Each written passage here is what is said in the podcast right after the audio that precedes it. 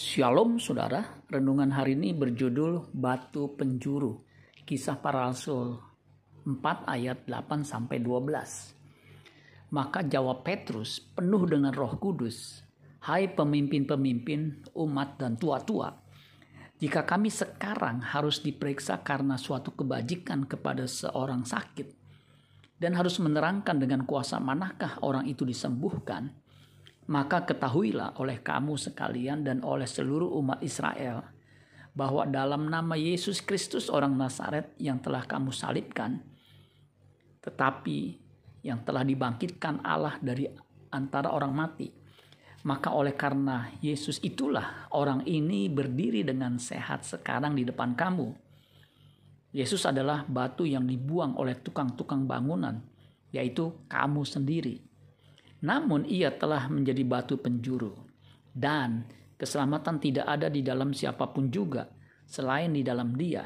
Sebab di bawah kolong langit ini tidak ada nama lain yang diberikan kepada manusia yang olehnya kita dapat diselamatkan. Petrus menegaskan bahwa Tuhan Yesus adalah batu yang dibuang oleh pemimpin orang Yahudi yang disebut tukang bangunan.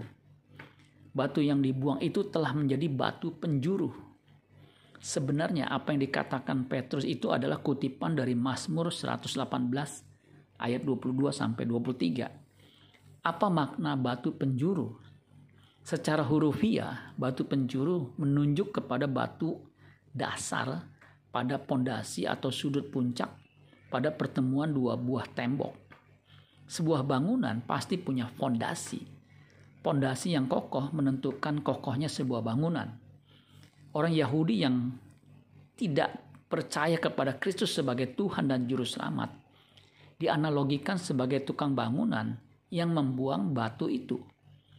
Sebenarnya Tuhan Yesus pun pernah mengutip Mazmur 118 ayat 22 sampai 23 dalam pengajarannya di Matius 21 ayat 42, Markus 12 ayat 10 dan Lukas 20 ayat 17. Rasul Paulus pun menjelaskan bahwa Tuhan Yesus adalah batu penjuru yaitu batu pondasi bangunan iman orang percaya. Iman Kristen bertumpu dan berpusat kepada Kristus. Jika kepercayaan Kristen dilepaskan dari Kristus, maka tidak akan ada keselamatan, sebab keselamatan hanya ada di dalam Kristus. Amin buat firman Tuhan. Tuhan Yesus memberkati.